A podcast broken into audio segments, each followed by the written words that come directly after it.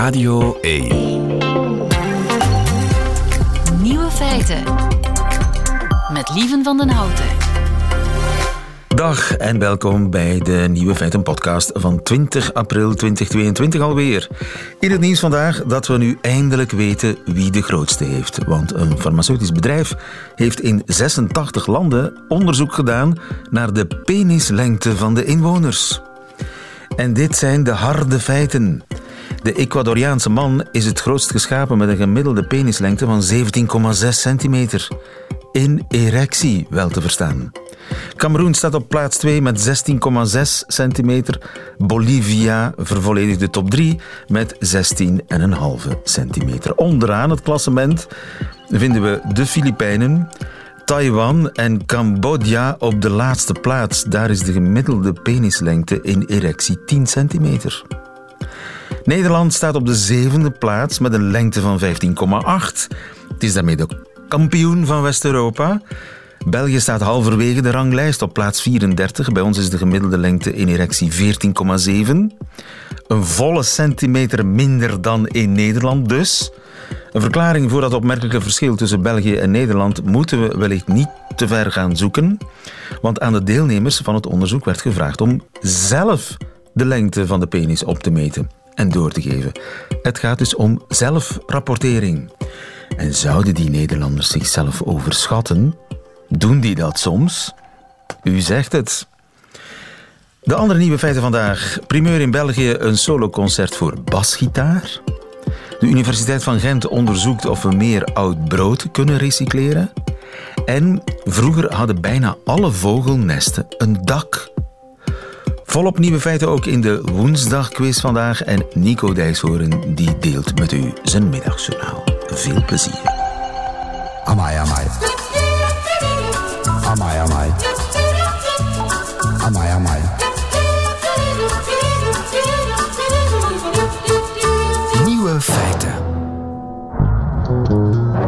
Het is denk ik de eerste keer dat het gebeurt. In België althans. Een concert. Met als solo-instrument niet, zoals u hoort, de piano of de viool, maar de basgitaar. En op die gitaar speelt Thomas. Goedemiddag, Thomas. Goeiedag, leven.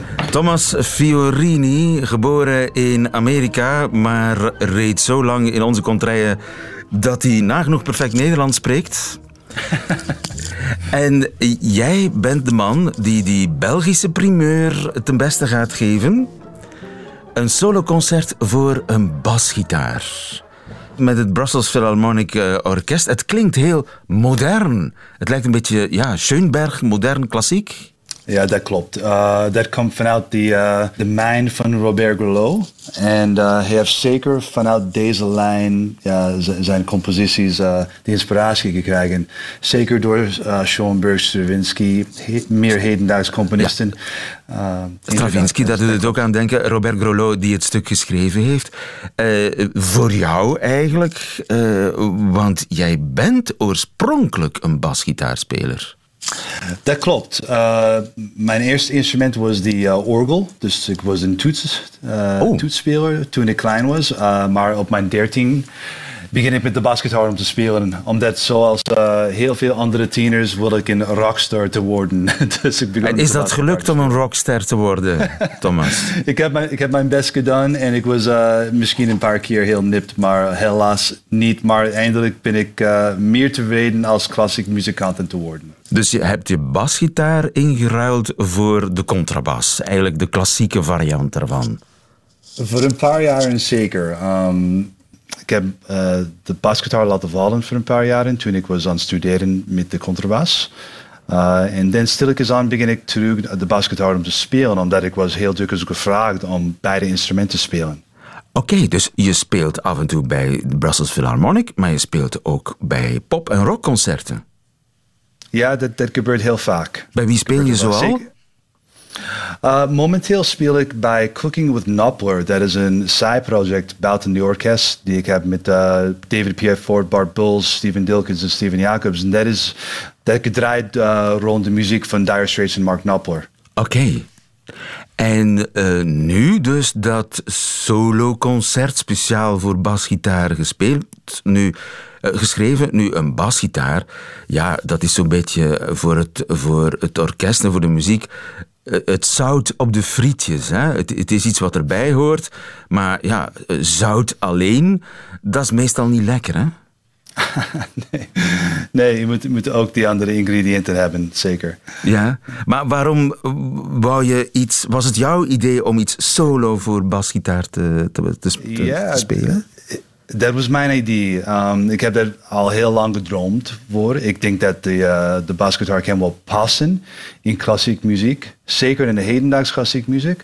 Maar bijna onmiddellijk als ik begon met de basgitaar toen ik 13 was, begon ik ook met klassiek een beetje om te spelen op de basgitaar. Bijvoorbeeld Bach, Paganini, Beethoven melodieën enzovoort. En ik vond dat dat altijd past heel goed. En um, ik heb de kans eindelijk drie jaar geleden, omdat de intendant van Brussels Philharmonic, Gunther Brugge, heeft een vraag gesteld door iedereen om nieuwe ideeën door hem te brengen. En dus ik dacht, ah, nu is mijn kans voor hem een proposal te maken voor een basgitaarconcerto. En ik was zeker dat als we een basgitaarconcerto zouden spelen, ik wil dat uh, met de muziek van Robert Grelot. Laten we eens even luisteren nog.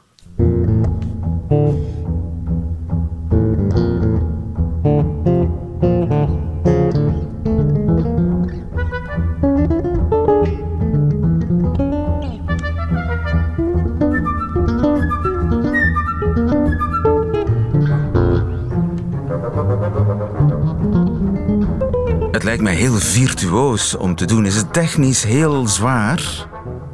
Liever moet ik eerlijk zeggen dat ik heb uh, jaren geoefend om zo'n stuk te spelen. Dat was zeker, zeker als je begint om te, te schrijven en um, excerpts aan mee te sturen, was het boven mijn niveau.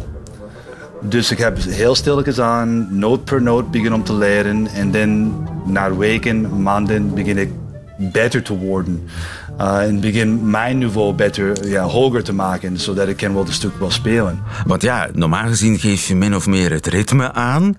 Dit, dit is echt veel sneller, dit is, dit is echt melodieus, dit is, ja, dit is bijna een nieuwe manier uh, om basgitaar te spelen. Uh, dat, is, dat is heel goed gezegd, omdat stel je voor als ik in deze tempo mijn eigen vocabulary of wat normaal past bij de basgitaar zal spelen, zal ik minder moeite hebben. Maar dat is de taal van Robert die ik moet leren kennen. Dus dat is uh, oefenen geblazen. Um, wat vind je van het resultaat? Oh, ik ben heel tevreden. Dit is, is boven mijn verwachtingen. De, eerst en vooral, ik moet al credit geven aan, aan Robert omdat de compositie is boven mijn verwachtingen en ik ben zo groot een fan van hem. Uh, ik, ik, heb bijna al zijn muziek beluisterd en ik denk dat, misschien heb ik een beetje biased van, maar ik denk dat is een van de beste. Het is een heel goede huwelijk uh, tussen de, de basgitaar en zijn stem als componiste. Ja. En het is echt iets heel nieuws, hè? Dit is, dit is splinternieuw en ik denk dat is, dat kan wel zijn uh, een enorm voorsprong voor onze instrument. En ik hoop dat mensen kan dat wel appreciëren en zal dat graag horen. Het, het is echt uh, het uh, ontginnen van onontgonnen terrein door uh, Robert Grolot en basgitaar Thomas Fiorini. Wanneer spelen jullie? we geven de première op 22, dus deze vrijdag, april in Flagey uh, concert beginnen om kwart naar acht. Ja, uh, het Flagey, de mooiste zaal van het land, zeg ik er maar bij. Die, die, de prachtige Studio 4, de houten zaal. Klinkt ook nog eens fantastisch. Maak je heel veel succes wensen. Thomas Fiorini, dankjewel. Dankjewel, lieven. Bedankt.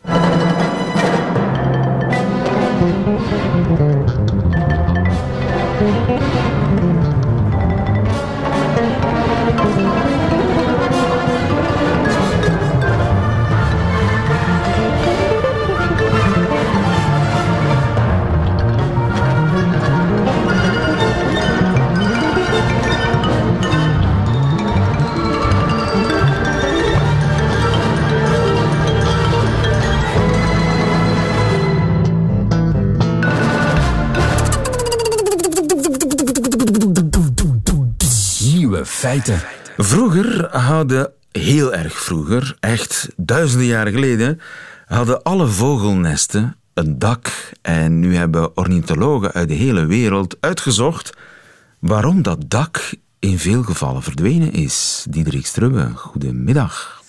Goedemiddag. Je bent uh, ecoloog, ornitholoog aan de Universiteit van uh, Gent. Dat klopt. En er is een tijd geweest dat een nest een echt huisje was bij vogels. Ja, inderdaad. Uh, biologen hebben kunnen aantonen dat waarschijnlijk vroeger bij het ontstaan van de vogels, of toch de, de groep van de zangvogels, die nu de meest uh, voorkomende vogels zijn, dat uh, toen dat die ontstonden, dat die overwegend een huisje bouwden, inderdaad, met, met een dak. Een, uh, eigenlijk een, een gezellig huisje. En nu nog bouwen veel vogels een nest met een dak doen, maar niet zoveel. Slechts 30% van alle vogels wereldwijd doet dat nog. De meeste die zijn overgeschakeld op een uh, open nest. En die overschakeling, uh, wanneer is dat gebeurd? Dat is eigenlijk geleidelijk gebeurd. Um, geschat in de laatste 40 à 45 miljoen jaar zijn er steeds minder vogels geweest die zo'n nest, uh, die zo'n gesloten nest gebouwd hebben.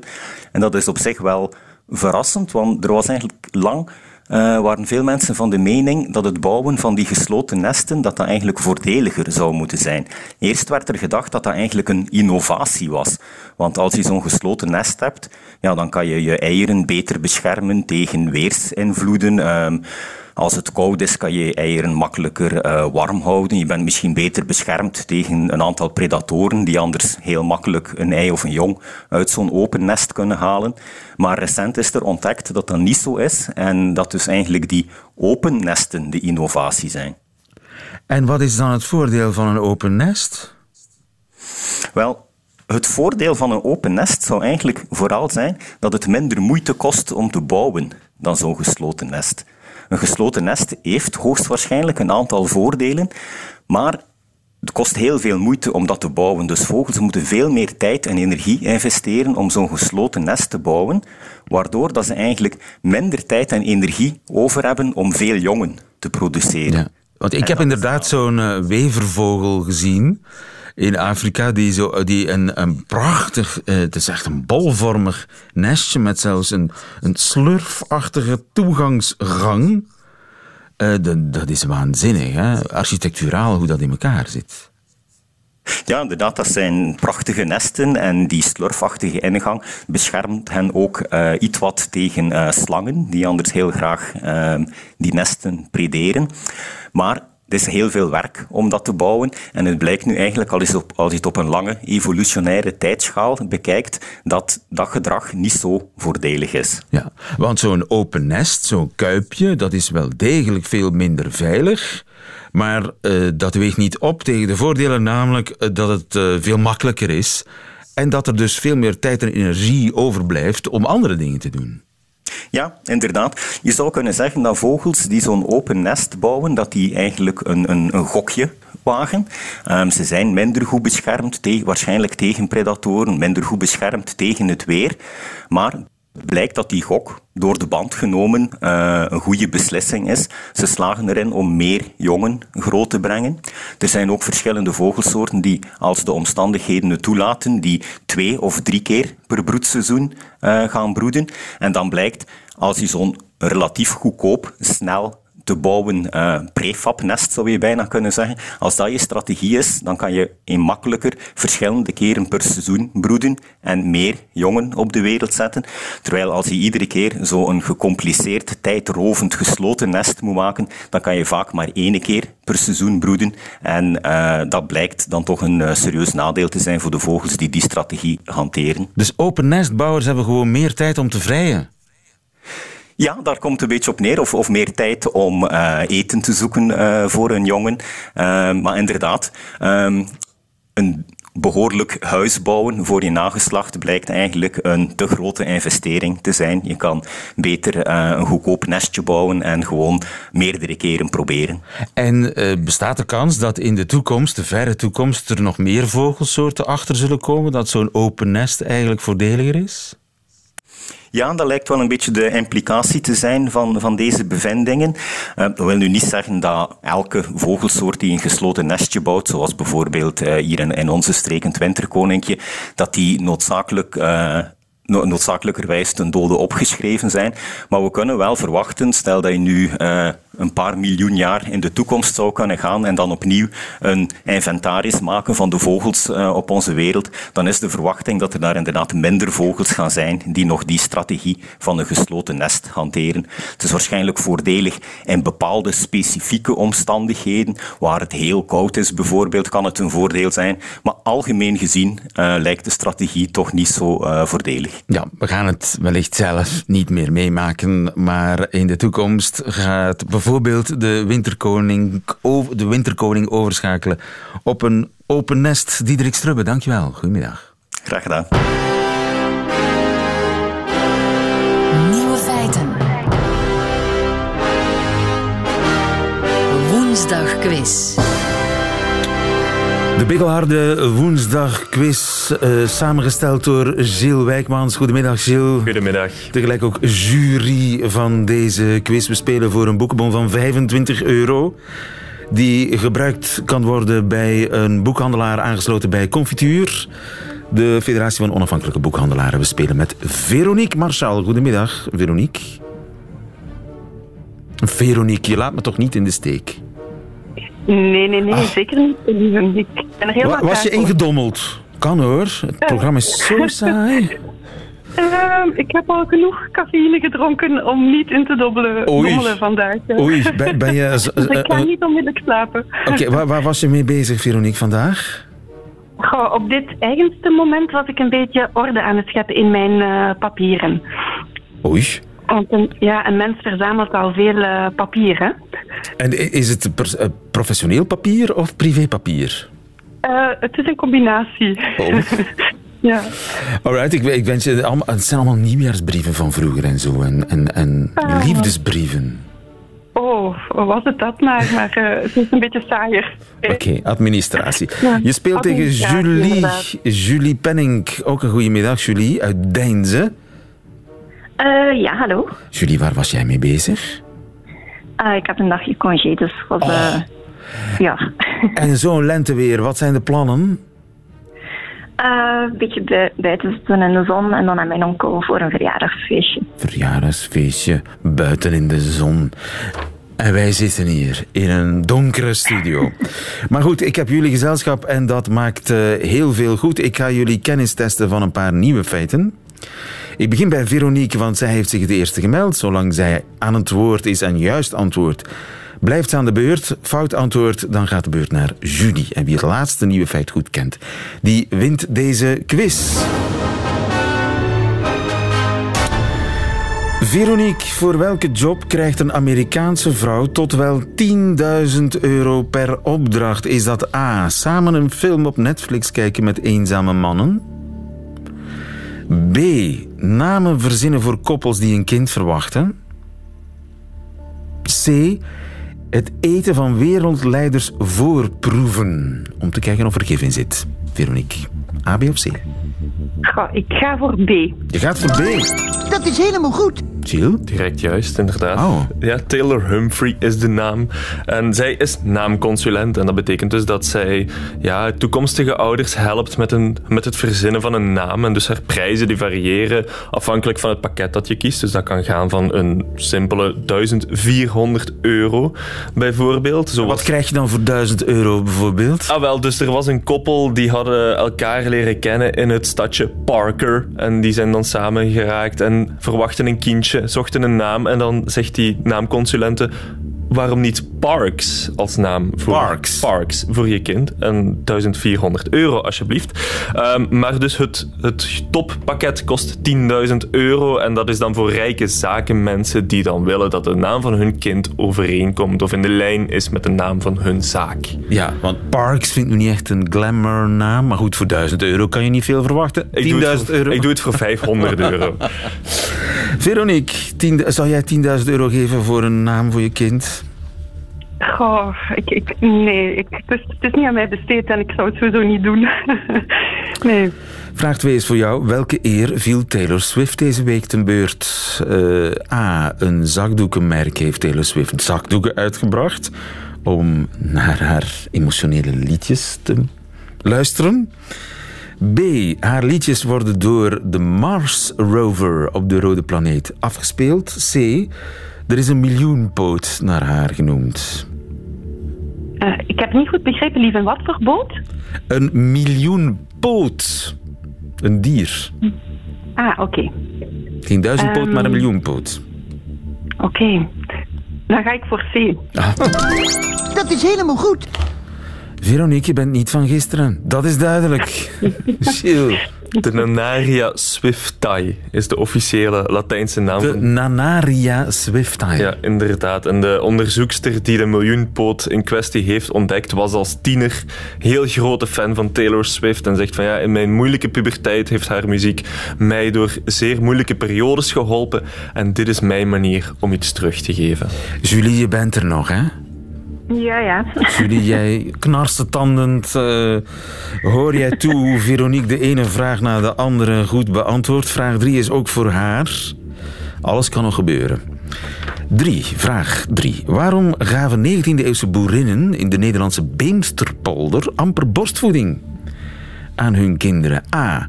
Ze waren te druk met de zuivelproductie. B. Borstvoeding was te seksueel expliciet voor de kerk en werd verboden. C. De moedermelk werd vaker gebruikt om desserts mee te maken dan om kinderen te voeden. Goh. Moeilijk, moeilijk. Um. Ik weet het eigenlijk niet, maar ik ga gokken. Um, goh. Ik ga iets helemaal absurd gokken. Nee, ja, nee, ik weet het niet. Ik ga voor A. Dat is helemaal goed.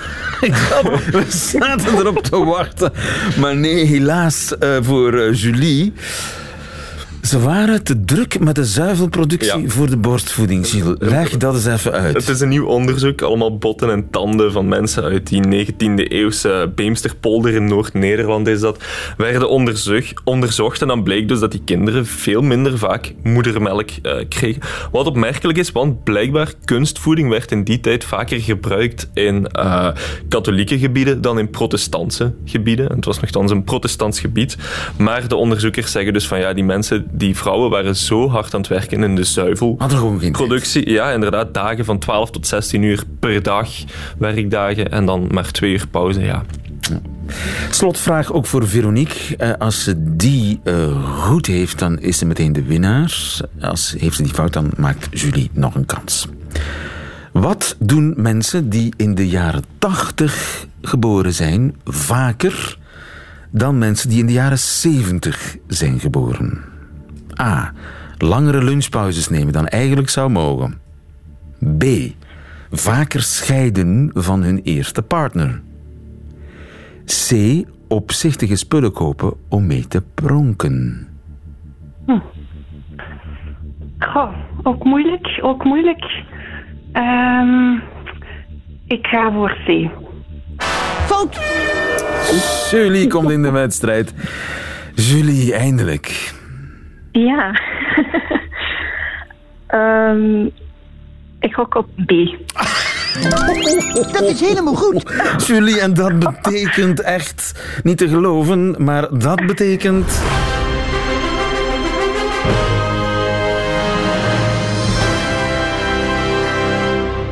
Bittere overwinning voor Veronique. Want jij had alle vragen, bijna alle vragen goed. En toch loopt Julie met de prijs naar huis. Veronique, kan ik jou troosten? Oh, het is uh, Julie helemaal gegund, van harte. Dat is heel sportief. Uh, Julie, jij, uh, was het een gok?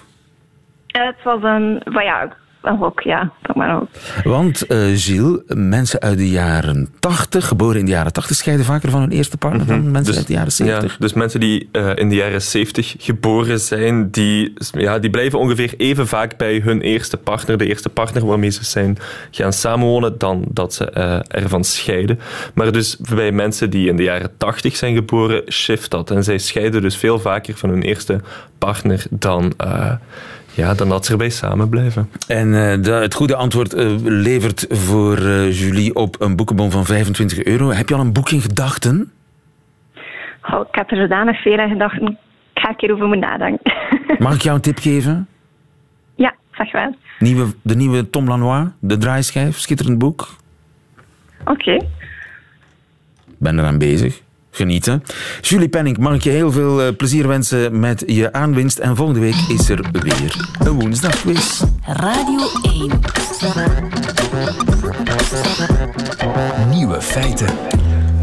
Van uh, oud brood weer vers brood maken, dat lijkt me echt iets voor Jezus.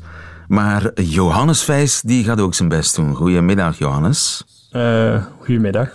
Johannes, jij uh, bent biochemicus. Je bent onderzoeker bij de Hogent. Ja, dat klopt. En uh, een kwart van de broden, naar het schijnt, wordt weggegooid. En dat in tijden van schaarse en dure tarwe, met dank aan Poetin. Jij probeert daar iets aan te doen met broodrecyclage. Wat is broodrecyclage? Is dat effectief van oud brood weer vers brood maken? Um, nee, het komt er eigenlijk op neer dat je dus um, van oud brood een andere grondstof maakt, dus een soort paneermeel, en dat je dat dan gaat gaan gebruiken in, uh, in andere producten, uh, waaronder brood ook. Ah, uh, daar kan maar dus toch een ja. beetje? Ja, toch een beetje. Maar je kunt dat vermalen oud brood niet volledig gebruiken om nieuw brood te bakken. Waarom niet? Uh, nee, omdat je een soort glutenwerking hebt die in tarwebloem zit. Dus, um, en daardoor, anders zal het uh, brood niet mooi rijzen en ook uh, geen mooie kruim hebben, waardoor dat je heel plat brood krijgt. Ja. En dat is voor de consument net iets minder aantrekkelijk natuurlijk. Ja. Maar je kunt dat gerecycleerde broodpaneermeel, zeg maar, kun je wel mengen met de, ja. de nieuwe bloem. Ja, ja, dus een, een klein deeltje kan je inmengen in de deeg. Uh, maar wij zijn ook bezig met andere producten. Uh, bijvoorbeeld in bier uh, doen we dat ook. Ja, ja dat bestaat al, hè, denk ik. Bier gebrouwen van ja. oud brood. Ja, maar het is daar weinig informatie over. Dus er zijn wel een aantal mensen die dat proberen. maar wij onderzoeken dat ook echt, of dat, dat lekker is en of dat, dat dan nog een goede schuimkraag heeft ook. Uh, dus, dus jullie ja. zijn allerlei dingen aan het proberen om dat nog beter te maken. Dus je kan het gebruiken als onderdeel van nieuw brood. Je kan het gebruiken voor bier. Waar kan het nog in? Uh, wij doen ook onderzoek naar uh, bakkerijproducten, zoals uh, koekjes bijvoorbeeld. Aha. Ehm, maar ook um, cakes testen we ook uit. Uh, dus ja, um, en afhankelijk van welk product kunnen we meer of minder uh, inmengen in plaats van de bloem. Ja, en dus je kan er wel heel lekkere koekjes... Ja, mijn moeder die bakte daar uh, broodpudding van. Hè? Dat is zo oud als de straat. Dat is eigenlijk al broodrecyclage. Ja, dat is het meest gekende product natuurlijk. Uh, maar het is natuurlijk nog veel meer brood dan uh, enkel om broodpudding van te maken. Uh, dus daarom zoeken wij ook andere alternatieven. Ja, en het is hard nodig, hè? want een wereldwijde voedselcrisis dreigt door de oorlog in Oekraïne. Um, ja, ja voorlopig uh, is er nog voldoende uh, tarwe, maar we weten natuurlijk niet hoe dat het inzaaien uh, gaat verlopen nu in, Oekraïne. Dus dat kan natuurlijk uh, op termijn wel een, een oplossing zijn. Um, ja, de tarweprijs stond ook in maart heel hoog. Um, nu is dat al wat meer gedaald, maar toch ja, kan dat toch uh, een grote rol spelen. Een grote rol spelen. En ja, het graan moet ook het land uitgeraken als uh, de Russen de havens aan de Zwarte Zee uh, inpalmen. ja, dan moet dat, dat graan en die mais en wat de graanschuur van Europa ook allemaal mogen produceren, dat moet ook nog eens Oekraïne uit kunnen geraken. Dus voorlopig zitten we daar met een groot probleem. Maar ja, als een kwart van het brood eigenlijk in de vuilbak belandt, dat is gigantisch, hè? Ja. Hoe komt dat, dat eigenlijk? Is, dat is uh, doorheen de totale keten. Um, dus ja, dat gaat eigenlijk van um, van boer tot consument. En eigenlijk bij ons is uh, de grootste verliesstroom is eigenlijk bij ons zelf. Dus um, in, ja, in West-Europa, in, in, het Westen, is dat bij ons zelf. Dus uh, eigenlijk u en ik die ons brood niet helemaal opeten en dan uh, wegsmijten eigenlijk. Ja, ja brood gaat vrij snel schimmelen.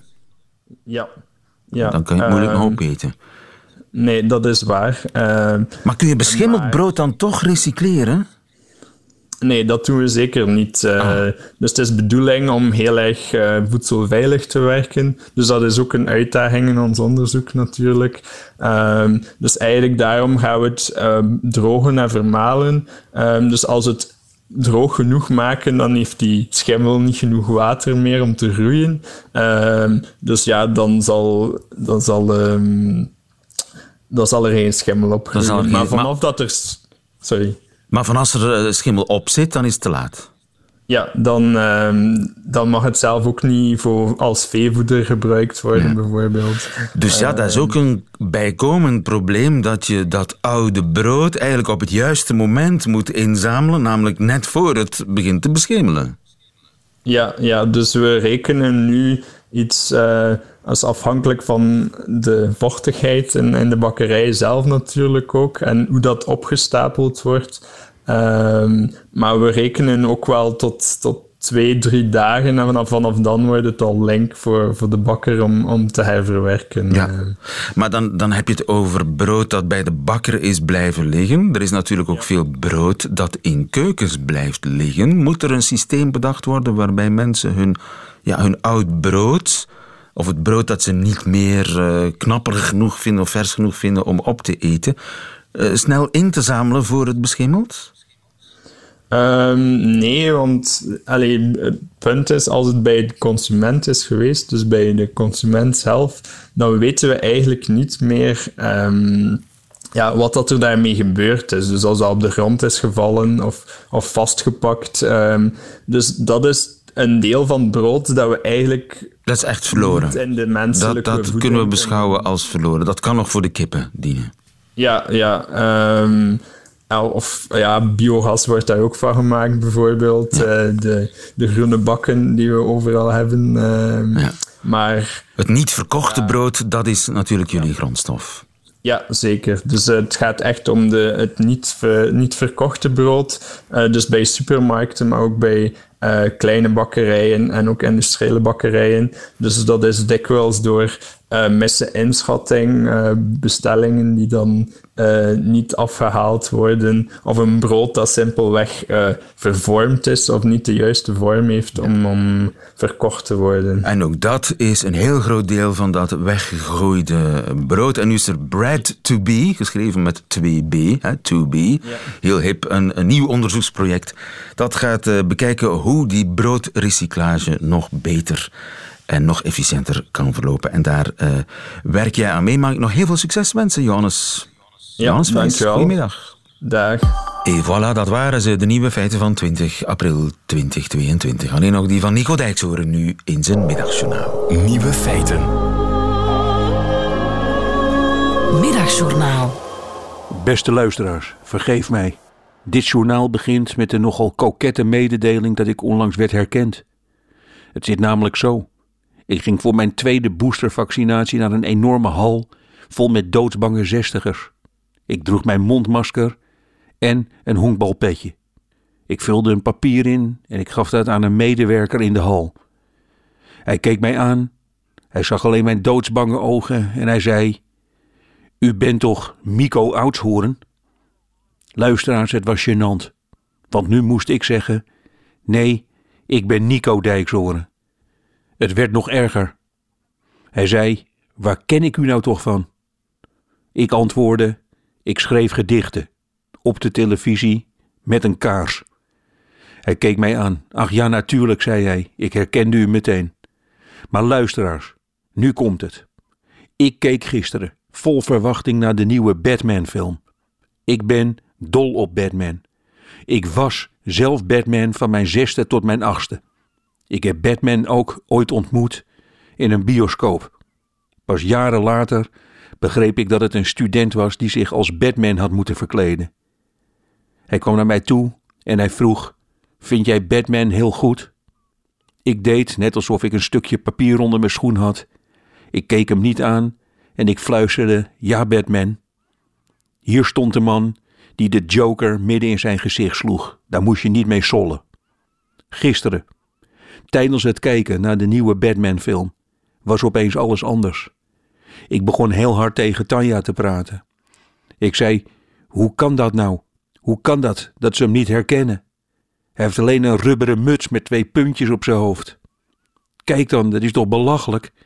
Je ziet zijn mond en zijn ogen gewoon. Je ziet toch meteen wie dit is als ze mij herkennen met een mondmasker op en een petje op. Dan moeten ze Batman toch ook gewoon meteen herkennen? Tanja, die kende dit gedoe wel. En ze zei: Had jij dan ook een cape om? Ik dacht even na. Nee, zei ik. Ze ging meteen door. Ze zegt: Heb jij een auto voor de deur staan die dwars door een muur van vuur kan springen? Nee, zei ik. Tanja keek me nu aan. Ze zei: Heb jij een rubber pak aan met de afbeelding van je favoriete dier op je borst? De slaapmuis. Ze had gelijk. Maar toch, luisteraars, maar toch. Mijn jeugd, alles waar ik in geloofde toen ik zes jaar oud was, die is langzaam aan het afbrokkelen. Ooit geloofde ik met hart en ziel in Batman. Ik wilde ook ooit een handlanger in een gele stretchbroek die Robin heette. En die kon dan lekker voor me koken. Maar nu luisteraars, nu zie ik het bedrog. Ik kijk naar Batman en weet, 61 jaar oud, dat iedereen je herkent. Al doe je een zwart condoom bovenop je hoofd met twee gaatjes bij je ogen.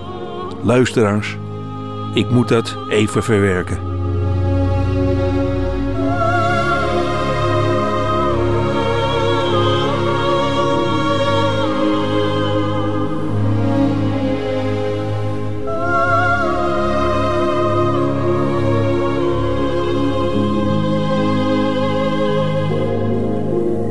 Middagjournaal met Nico Dijkshoorn. Einde van deze podcast. Hoort u liever de volledige nieuwe feiten? Met de muziek erbij. Dat kan natuurlijk via radio1.be on demand. Of via de Radio 1 app. Tot een volgende keer.